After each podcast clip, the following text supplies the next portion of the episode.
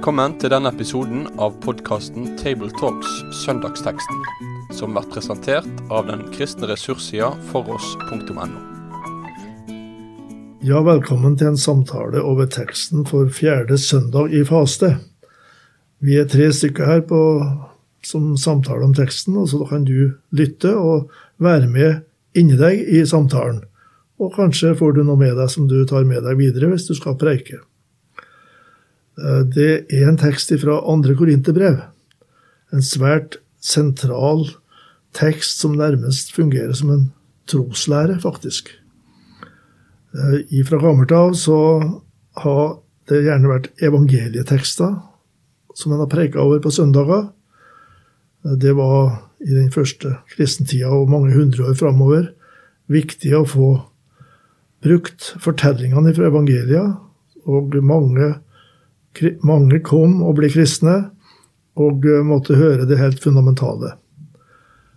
Men eh, apostlenes brever har gjerne blitt lest i forbindelse med gudstjenestelivet, og av og til preika over.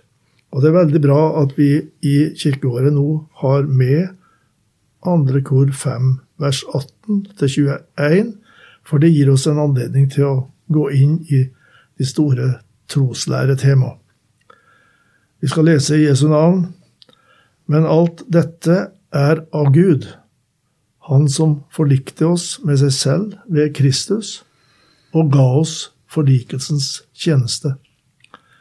Det var Gud som i Kristus forlikte verden med seg selv, så han ikke tilregner dem deres overtredelser, og la ned i oss ordet om forlikelsen så er vi da sendebud i Kristi sted, som om Gud selv formaner ved oss. Vi ber i Kristi sted, la dere forlike med Gud. Han som ikke visste av synd, har Gud gjort til synd for oss, for at vi i ham skal bli rettferdige for Gud.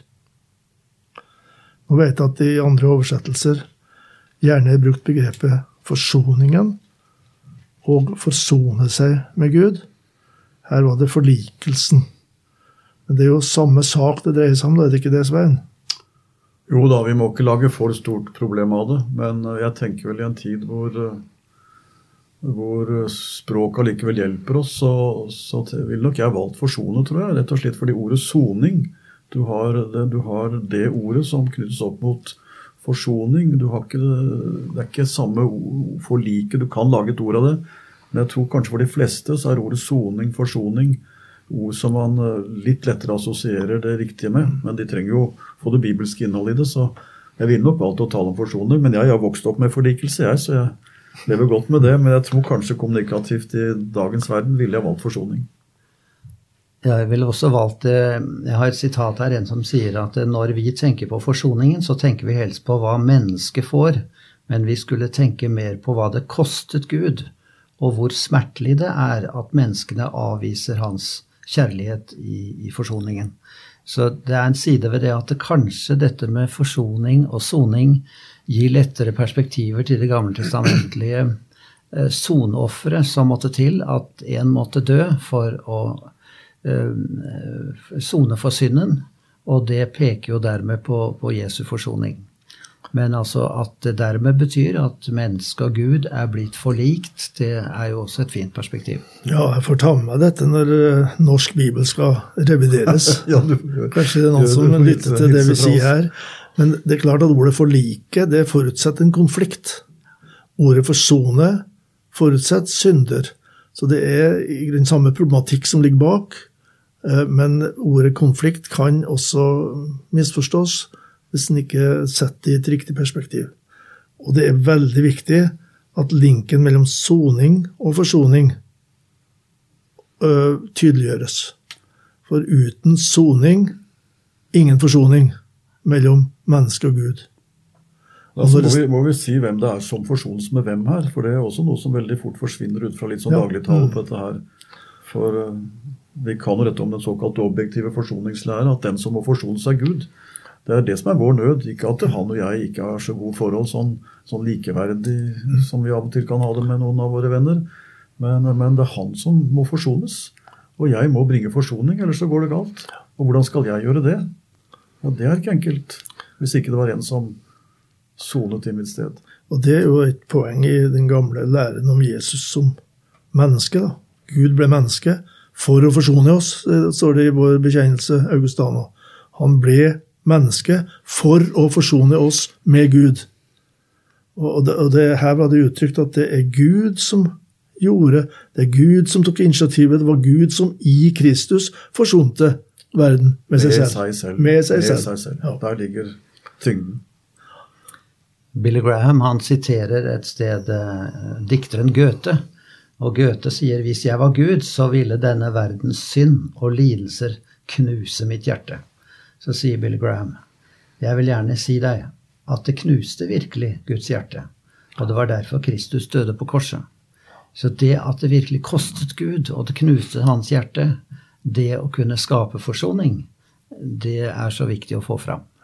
Det er ikke en sang der det står 'For vår misgjerning ble han knust'. Mm. Jo. Det, du har også det samme i Jesaja 53, da. At uh, det er snakk om at Guds dom rammet ham. Så det førte ham like inn i døden. Det er veldig vesentlig å få fram i, i forkynnelsen over denne teksten her.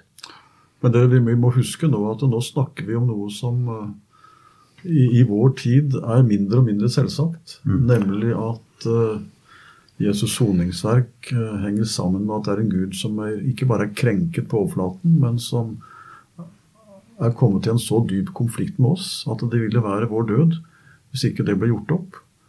Det er dessverre mye forkynnelse og teologi i dag som har redusert konflikten mellom Gud og meg til et spørsmål om jeg egentlig vet hvor god Gud er. Så det jeg trenger å høre, er at Jesus demonstrerer Guds gode omsorg og gjør det så sterkt at han til og med dør for å vise hvor glad han er i oss. Men en konflikt på liv og død, hvor soningen er en stedfortredelse for det jeg skylder Gud, det er noe helt annet. Og, og klarer vi å forkynne om dette her uten å dra bare sånne dogmatiske skapskiller, men sånn at det blir livsnært og samtidig et varmt budskap, da, det, det syns jeg er en stadig utfordring. Men jeg ser jo til vår tid så blir det viktigere og viktigere.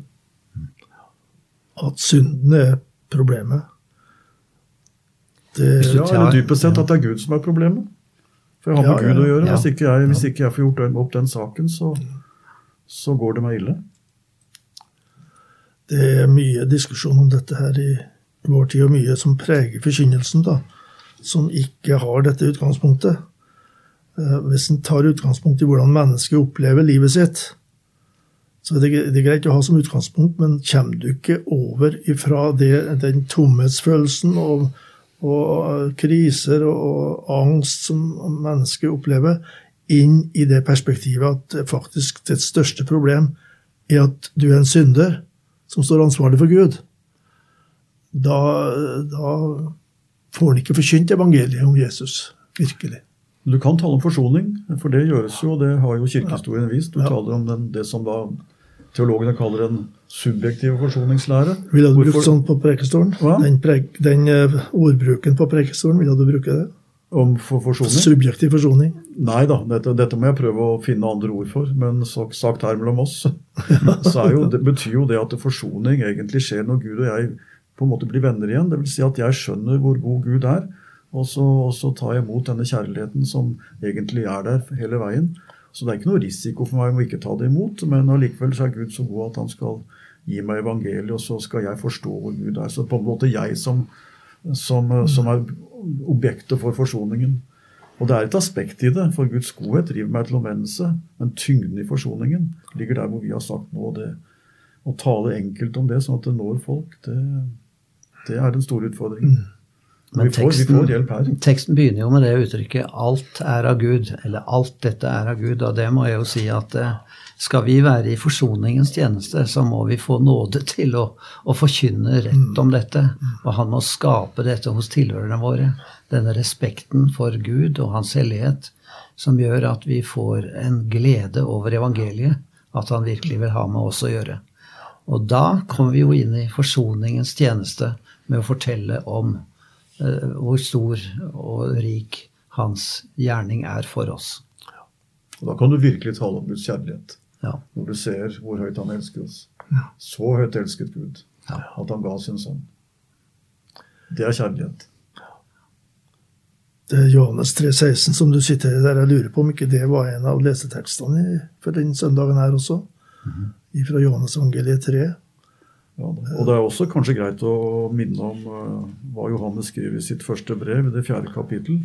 Soning, ja. For der sier han at Guds kjærlighet ble åpenbart for oss da han sendte Kristus for å dø for våre synder. Til soning for våre synder, står det. soning for våre synder, står det vel ordrett i 1. Johannes eh, kapittel 4 og vers 10 særlig. Kjærligheten er ikke det at vi har elsket Gud, der har vi det, men at Han har elsket oss og sendt sin sønn til soning for våre synder. 1. Johannes 4,10. Den tror jeg nok jeg vil ta med.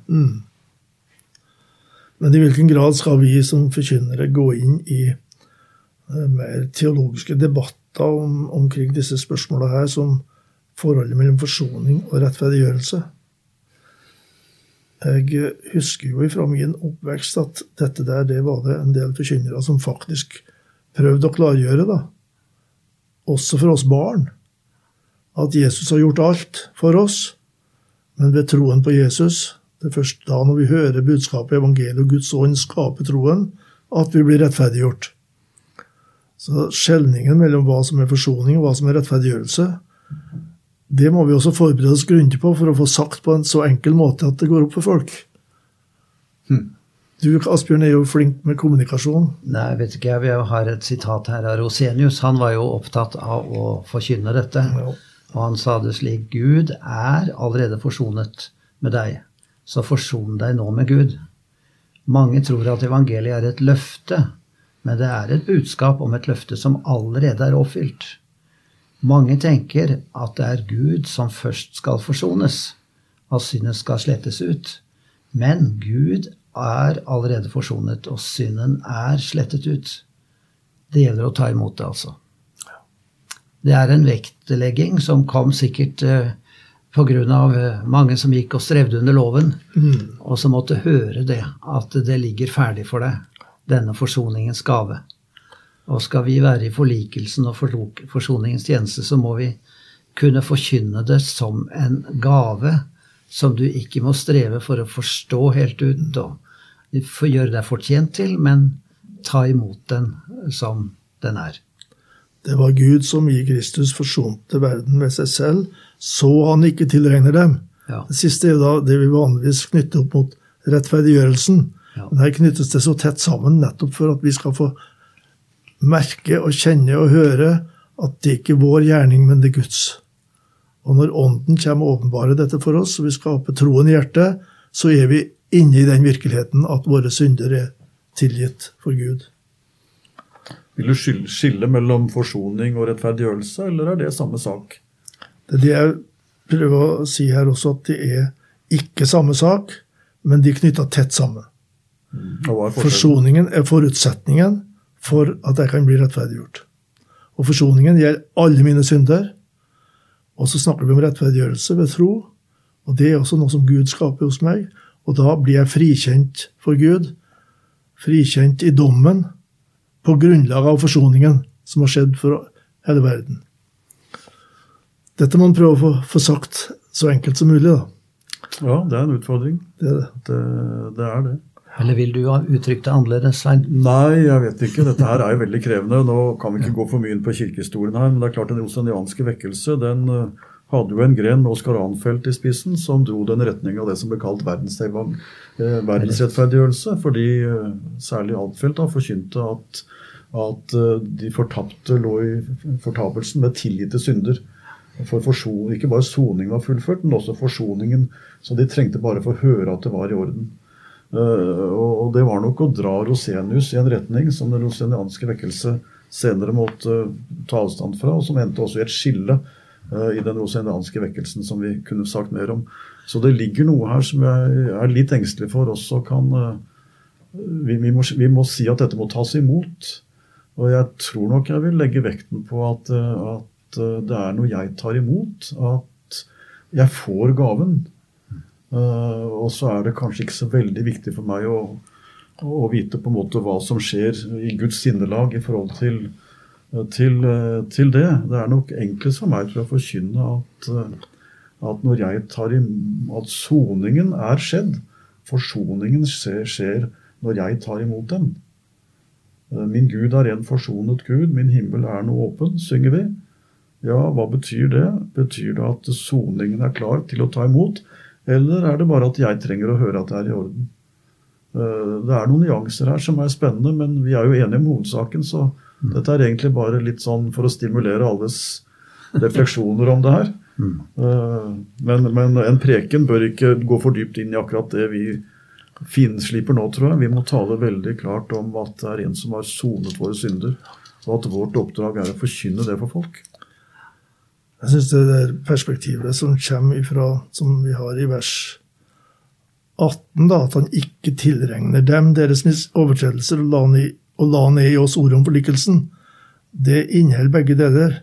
Gud har i Kristus eh, tatt oppgjøret for alle våre synder. Og da er det, som Rosenius eh, sier også, tilgivelsen er klar. Mm, ja. Men så kommer neste vers. La dere forsone med Gud. Det er et kall til mennesket til å komme inn i den virkeligheten som Gud har tilveiebrakt gjennom Kristus. Men det er godt å ha tid til å forberede seg på dette her, og kanskje skrive den delen av preika litt ja, godt. Litt ja. Men det er jo også en progresjon i denne teksten her, at det snakkes først om forsoningen, og så kommer forsoningens tjeneste. Mm. Og vers 20, som du nevnte da, at Gud selv formaner eller forkynner gjennom oss. Og vi ber på vegne av Gud, la dere forsone med Gud. Altså, Når det brukes ordet 'forsone' der, så betyr det jo også at uh, dere kan få del i denne forsoningen ved å ta imot den. Ved å høre og komme til tro på hans gjerning. Alt dette er av Gud. Og han som ikke visste av synd, han var uskyldig, ble gjort til synd. Sterke ord utrolig eh, utfordrende å leve seg inn i hvordan Jesus ble gjort til synd for oss. Men så får vi Guds rettferdighet ved det. Det siste verset er jo så komprimert i sitt innhold. da. Det er jo det en lære om Kristus der. Hvem han var. Hvis vi tar med inkarnasjon, at han var Gud og ble menneske. Og så kommer det her hans syndefrihet han som ikke visste av synd. Og så kommer soningsverket har Gud gjort til synd for oss. Og så kommer hensikten at vi i ham skal bli rettferdige for Gud. Så alt knyttes opp imot Jesu person og Jesu verk. Og Jesu person og verk kan ikke skilles. Han måtte være den han var, for å gjøre det han gjorde. Han måtte være syndefri for å kunne være dette syndfrie offer for våre synder. Så det er mange store tema her i denne teksten. Ja, for det er mange i dag som er opptatt av at uh, spørsmålet om skyld i forhold til mitt liv og mine gjerninger, det er på en måte ikke det perspektivet som folk lenger har på sine moralske svikter. For folk i dag er øyensynlig like intenst opptatt av at det er mye som ikke er godt nok. Men så får vi høre at det som har tatt plassen for skylden, det er ofte skammen. For skammen den er på en måte horisontal. Den, den, føler jeg på i forhold til andre som ser meg der jeg har eh, ramlet og snublet og, og feilet. Og jeg skammer meg over at eh, de så hvordan jeg egentlig er, eller i hvert fall hvordan jeg på dårlige dager har det. Og, og skammen den må jo bearbeides, og det kan kanskje en god samtale bidra litt til. Å få meg tilbake i selvrespekten og på bena igjen. Eh, og det skal vi ikke tale lettvint om. Det er et viktig perspektiv, det med skam, og Bibelen taler også om det. Men det forsoningen relaterer seg til, det er ikke skammen min, men det er skylden. Og Det betyr altså at min dypeste utfordring det er at jeg står ansvarlig for mitt liv. Og jeg tror kanskje vi skal tenke at også inn blant dem vi kan få under vår prekestol, så er dette med skylden som tema, det, det, det får ikke mye næring gjennom verken etisk veiledning eller psykologi i dag. altså. Så vi må tale folk inn i en gudsrelasjon hvor, hvor skylden ikke nødvendigvis blir eh, en skyldfølelse som er så stor, men en erkjennelse. Jeg hadde en tale i radioen nylig om dette med, ja, som vi har snakket om nå, og fikk en kraftig skrape fra en som driver med, med coaching. Og uh, hun var tydelig opptatt av det at mennesker i dag de trenger å få en god følelse for seg selv. Å få respekt og tillit til at de får det til. Og det du forkynner, det knekker deres selvfølelse osv. Så, videre. Så jeg tenkte da, da får du det helt perspektivet. Og jeg sier ikke at det er galt det hun driver med overfor mennesker som er eh, skal vi si, svake i sin selvfølelse. Vi trenger å bli sprita opp menneskelig sett. Men det er noe annet når man oppdager at eh, jeg er jo en synder, tross alt. og når jeg møter ondskapen i meg og omkring meg, hva har coachen da å bringe? Jeg måtte svare noe i den retningen. Mm. Da må du snakke alvorlig om menneskers synd og tilkortkommenhet og deres frelse.